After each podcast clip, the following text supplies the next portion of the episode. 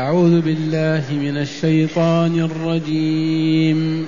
ونادى فرعون في قومه قال يا قوم أليس لي ملك مصر وهذه الأنهار تجري من تحتي أفلا تبصرون أم أنا خير من هذا الذي هو مهين ولا يكاد يبين فلولا ألقي عليه أسورة من ذهب أو جاء معه الملائكة مقترنين فاستخف قومه فأطاعوه إنهم كانوا قوما فاسقين فلما آسفونا انتقمنا منهم فأغرقناهم أجمعين فجعلناهم سلفا ومثلا للآخرين. أحسنت معاشر المستمعين والمستمعات من المؤمنين والمؤمنات من أين لنا أن نتحدث عن أحداث مضت ومضى عليها ألوف السنين؟ من أين لنا هذا؟ قولوا آمنا بالله. هذا هو كتاب الله. القرآن العظيم الذي أنزله الله على خاتم أنبياء وسيد المرسلين نبينا وحبيبنا محمد صلى الله عليه وسلم. الآن نعيش مع أحداث مضت عليها آلاف السنين ووالله لك ما تسمعون كأنكم شاهدون أحداثها لأنه كلام الله المنزه عن الكذب والمقدس عن الباطل. فهيا نقضي هذه الساعة مع هذه الأحداث ليزداد إيماننا بربنا ورسولنا ليقوى إيماننا ويعظم صالح أعمالنا لنتهيأ للزلفى للجنة دار النعيم. ما هي إلا بعد أيام وإننا لميتون. وإلى أين بعد الموت؟ إما إلى النعيم المقيم في دار السلام الجنة دار الابرار وإما في العذاب الأليم في جهنم وبئس المصير والعياذ بالله. بالأمس عرفنا أن فرعون أرسل الله تعالى إليه موسى ومعه أخوه هارون. وأعطى الله موسى آيتين عظيمتين.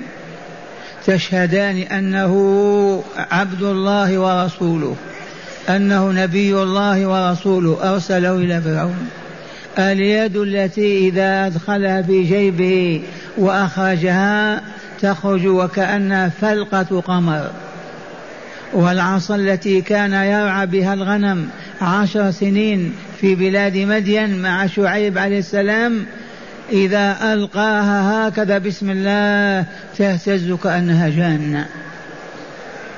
آيتان عظيمتان.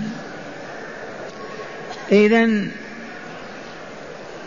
ودعا عليهم موسى عليه السلام.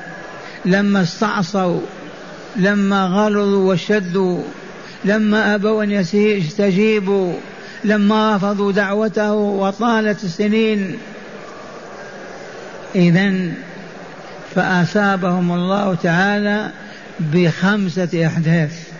الأولى الجراد الطوفان والجراد والقمل والضفادع والدم. إذ قال تعالى فأرسلنا عليهم الطوفان والجراد والقمل والضفادع والدم آيات مفصلة فاستكبروا وكانوا قوم مجرمين. فلما شاهد فرعون هذه الآيات خاف أن يؤمن الناس وأن يدخلوا مع موسى في دين الله.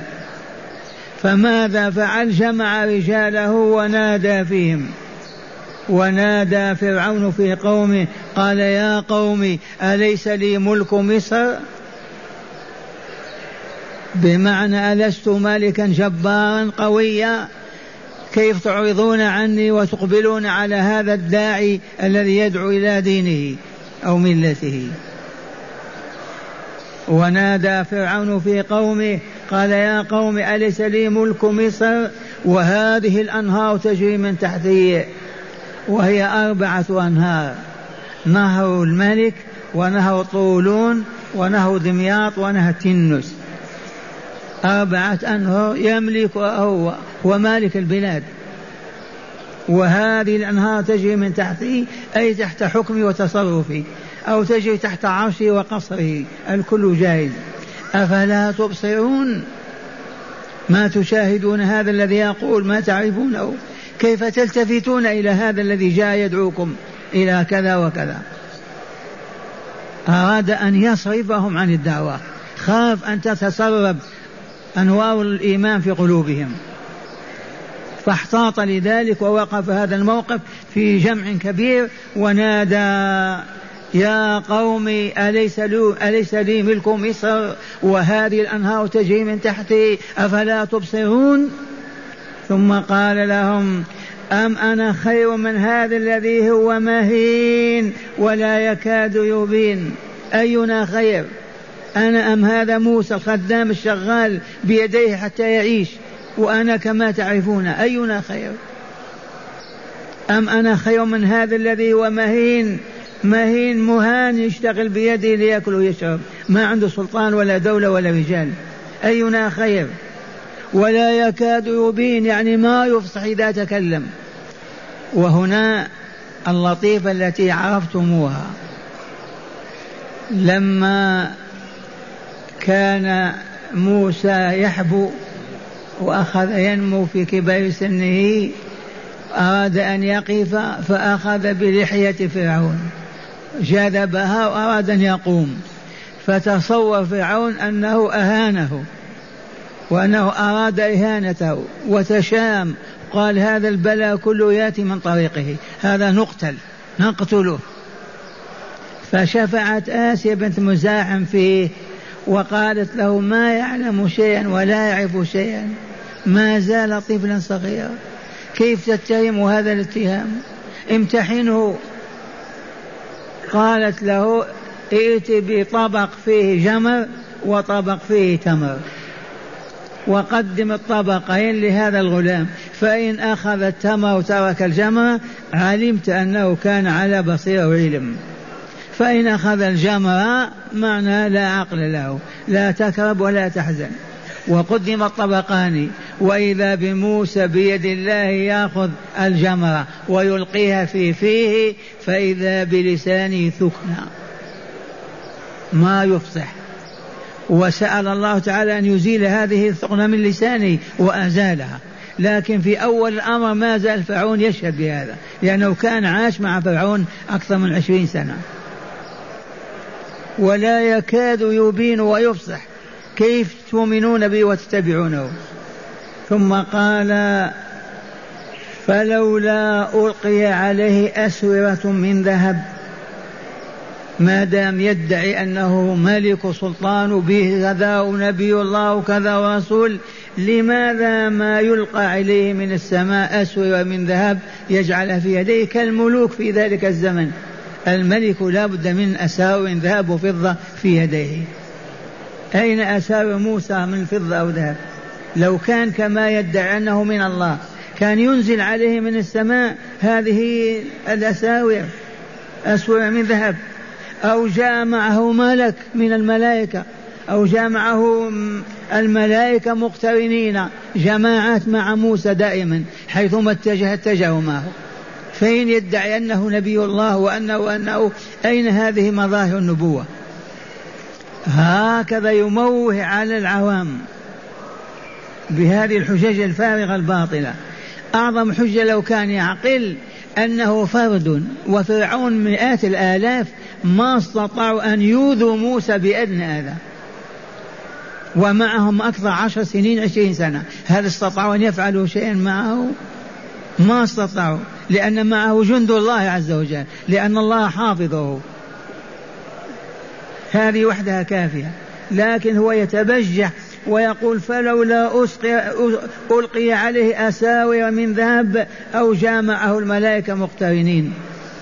وبذلك نصبح نقول إنه رسول جاء لبني إسرائيل. قال تعالى عنه فاستخف قومه فأطاعوه. استفزهم واستخفهم لأنهم لا عقول لهم. أميون جهال ضلال فساق فجاء فلهذا استجابوا لهذا الحاكم الظالم. فاستجاب فاستخف قومه فأطاعوا وكفروا بموسى وما جاء به واتبعوا بفرعون وملأه. قال تعالى كانوا قوما فاسقين. هذه لطيفة سياسية. لو أن أهل إقليم من العالم الإسلامي أيما إقليم كانوا مستقيمين صالحين أولياء لله رب العالمين. وأراد الحاكم أن يصرفهم عن الحق وأن يبعث بهم إلى الباطل يصرفهم عن الصلاح إلى الفساد. هل يستجيبون له؟ والله ما يستجيبون. والله ما يستجيبون له. ولا يخافون ولا يرهبونه لأنهم يخافون الله ويرهبونه. لكن إذا كانوا فسق هابطين لا عقول ولا علم ولا بصيرة يسن القوانين ويشرعها وهم يفرحون بها. وهذا الذي رأيناه بأعيننا في العالم الإسلامي. هذه اللطيفة من أين أخذناها؟ من قوله تعالى فاستخف قومه عرف أنهم لا عقول لهم ولا أحلام ولا ولا تائهين ضلال. فبذلك أمرهم بالفسق ففسقوا لأنهم فاسقون. فاستخف قومه فأطاعوه. لماذا؟ إنهم كانوا قوما فاسقين. مرة ثانية. لطيفة سياسية. في مسجد رسول الله صلى الله عليه وسلم. لو أن أهل إقليم من أقاليم المسلمين من أندونيسيا إلى موريطانيا بعث الله فيهم حاكما يسودهم ويقودهم. إن كانوا صالحين والله ما يستطيع أن يقودهم إلى الفسق والفجور والظلم والشر والفساد. والله ما يقدر ولا يقوى على ذلك. وإن كانوا هابطين لا علم ولا عقول ولا بصيرة ومنغمسون في الشهوات والمحرمات والملاذ و يستجيبون بسرعة. على طول يدعوهم إلى كذا يفعلون ويستجيبون. ومعنى هذا يجب على المؤمنين في مدنهم وقراهم في أقاليمهم وفي دولهم أن يرجعوا إلى الله نساء ورجالا وأطفالا. يؤمنون بالله حق الإيمان ويعبدون الله بما شرع حق العبادة ويحلون ما أحل ويحرمون ما حرم. وبذلك أقسم بالله لو كان حاكم فاسقا لتاب وأصبح مثله. لو كان ظالما والله لخاف الله وعاد وعدل بينهم. والآن ونحن مع إخواننا الوافدين نكرر هذا القول ونقوله دائما وأبدا لأنه الحق. نقول ما الطريق إلى ذلك؟ الطريق أهل القرية. تعرفون القرية في الاصطلاح القديم المدينة في الاصطلاح المعاصر السكن القليل. أهل القرية لو أنهم يعلنوا عن إيمانهم بحق بلقاء الله والوقوف بين يديه وما عند الله من نعيم مقيم وعذاب أليم. آمنوا حق الإيمان. يعلن إمامهم الذي يصلي بهم الجمعة يوم الجمعة. معشر الأبناء معشر الإخوان. يا معشر المؤمنات من يومنا هذا لا تتخلف امرأة ولا رجل عن صلاة المغرب في جامعنا هذا. يا صاحب الفلاحة ألق المسعات من يدك يا نجار ألق المنجرة يا تاجر أغلق باب التجارة دقت الساعة السادسة. آن أوان غروب الشمس ودخول المغرب. وقف دولاب العمل في القرية بكاملها. وتوضأوا نساء ورجال وأطفالا. وأتوا مسجد ربهم الجامع لهم. النساء إن كن حيض فلا بأس أن يجلسن خارج المسجد ويوصل هذا الصوت إليهن بواسطة. وإذا صلوا المغرب يجلس لهم عالم رباني بكتاب الله وسنة رسوله صلى الله عليه وسلم آية من كتاب الله. يكررها ويرددها ويرددها. إن الذين قالوا ربنا الله ثم استقاموا فلا خوف عليهم ولا هم يحزنون. إن الذين قالوا ربنا الله ثم استقاموا فلا خوف عليهم ولا هم يحزنون. ربع ساعة وهو يرددها وهم يرددونها معه بأصوات خافتة. ربع ساعة ما يبقى لا رجل ولا مرأة ولا طفل ما يحفظها. الكل يحفظونها. ربع ساعة. بعد حفظها يأخذ في شرحها وبيان مراد الله منها. فيضع أيديهم على المطلوب.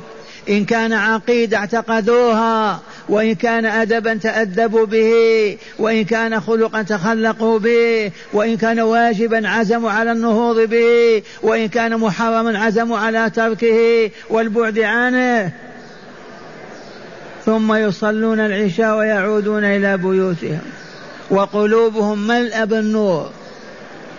قلوبهم ملأ بالنور وحب الله وما عند الله والدار الآخرة. الليلة التي بعدها يصلون المغرب كما صلوا بالأمس. يجلس لهم الإمام الرباني العالم الرباني حديث من أحاديث رسول الله صلى الله عليه وسلم فقط. يردده كذا يردده ربع ساعة وهو يقوله ما يبقى من رجل ولا مرأة ولا طفل لا يحفظ ذلك الحديث. لسماعهم له من شيخهم يردده ثم بعد ذلك يضع أيديهم على المطلوب. إن كان عقيدة اعتقدوها إن كان واجبا عزموا على القيام به إن كان أدبا وخلقا تخلقوا به وهكذا وذلك طول العام. هذا نظام حياتنا بالنور خطة وبالذهب.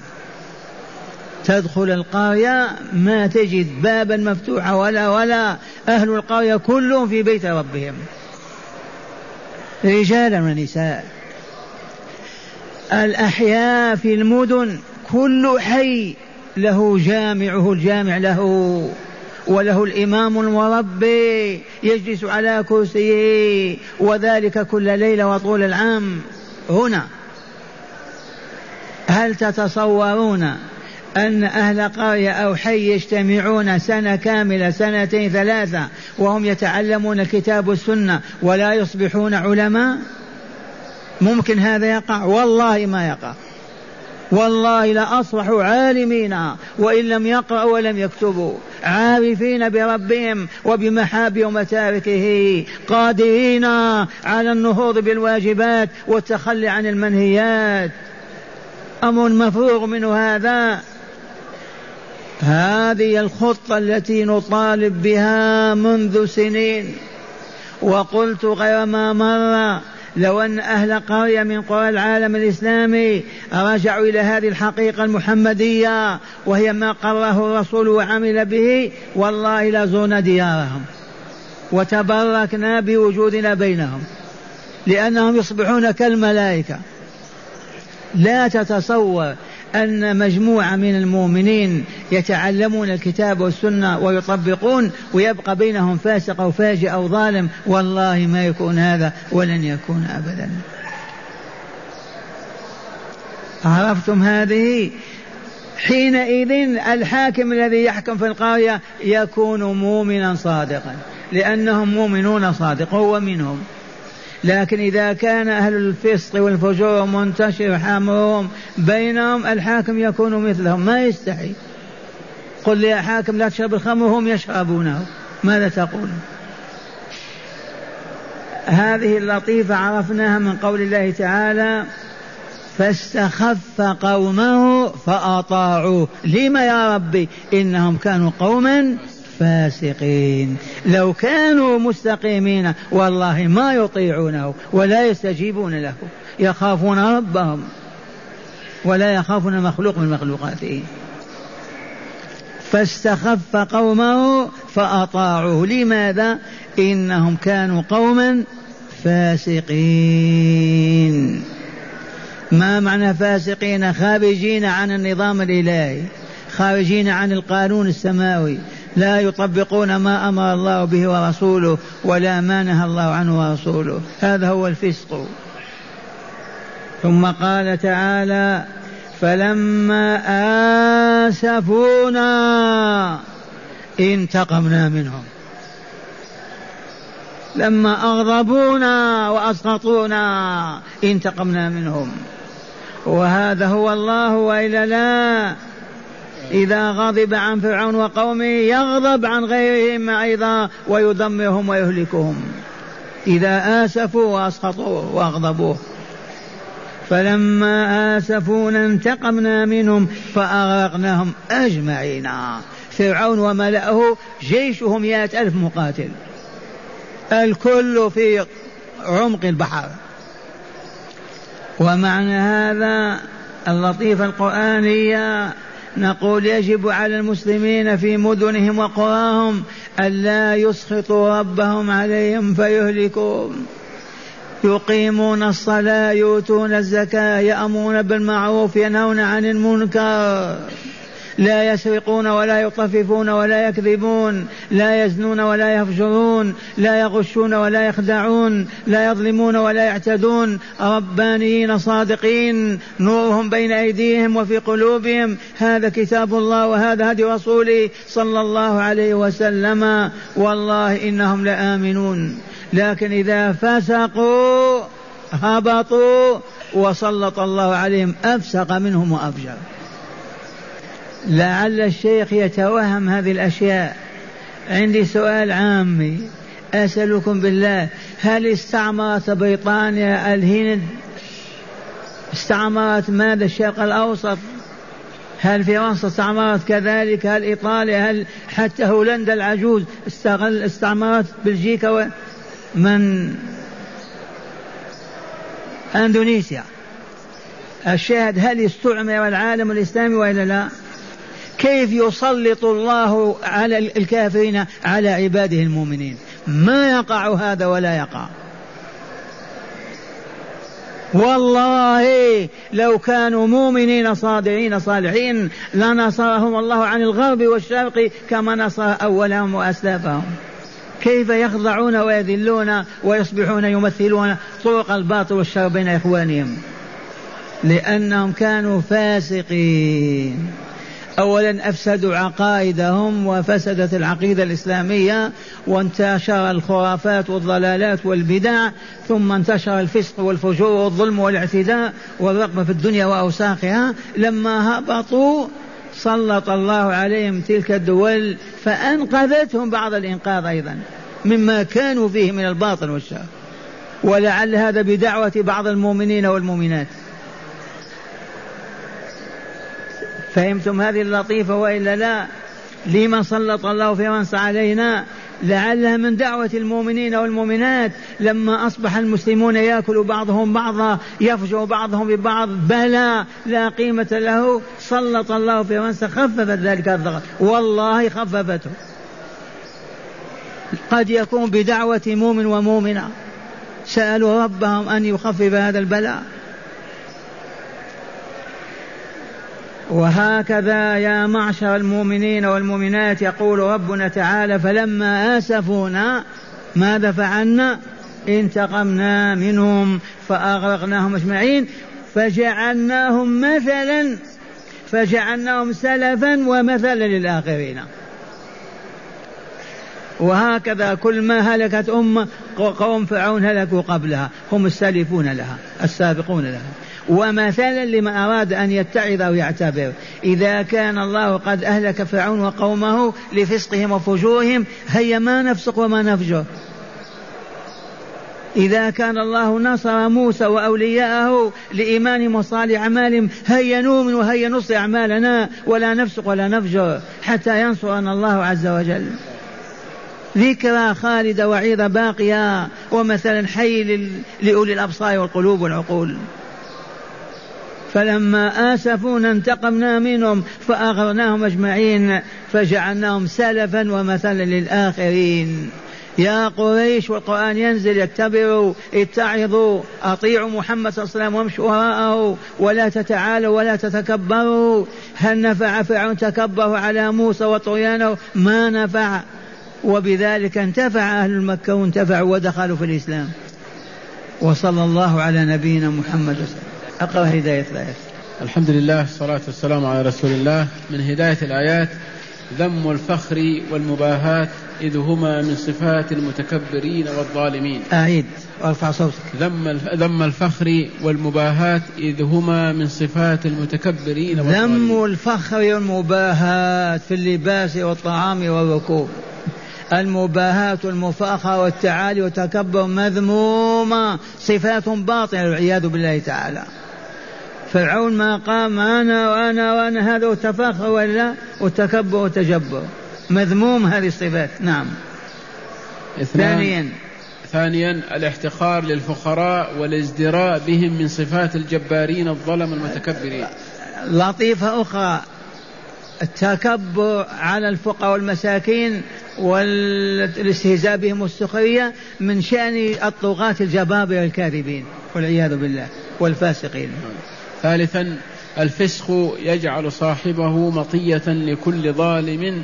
هكذا الفسق يجعل صاحبه عطية لكل ظالم يأخذه. كما فعل من فعل. نعم. رابعا التحذير من غضب الرب تبارك وتعالى فإنه متى غضب متى غضب انتخم فبطش. نعم. من هداية هذه الآيات أن نخاف غضب الله وأن نبتعد عنه. أي لا نغضب ربنا بمعصيته والخروج عن طاعته. لا بترك واجب من الواجبات ولا بفعل محرم من الحرامات ولا بأذية مؤمن ومؤمنة من المؤمنين والمؤمنات. فإننا إذا أسخطنا الله علينا وغضب أهلكنا كما أهلكنا من قبلنا والعياذ بالله.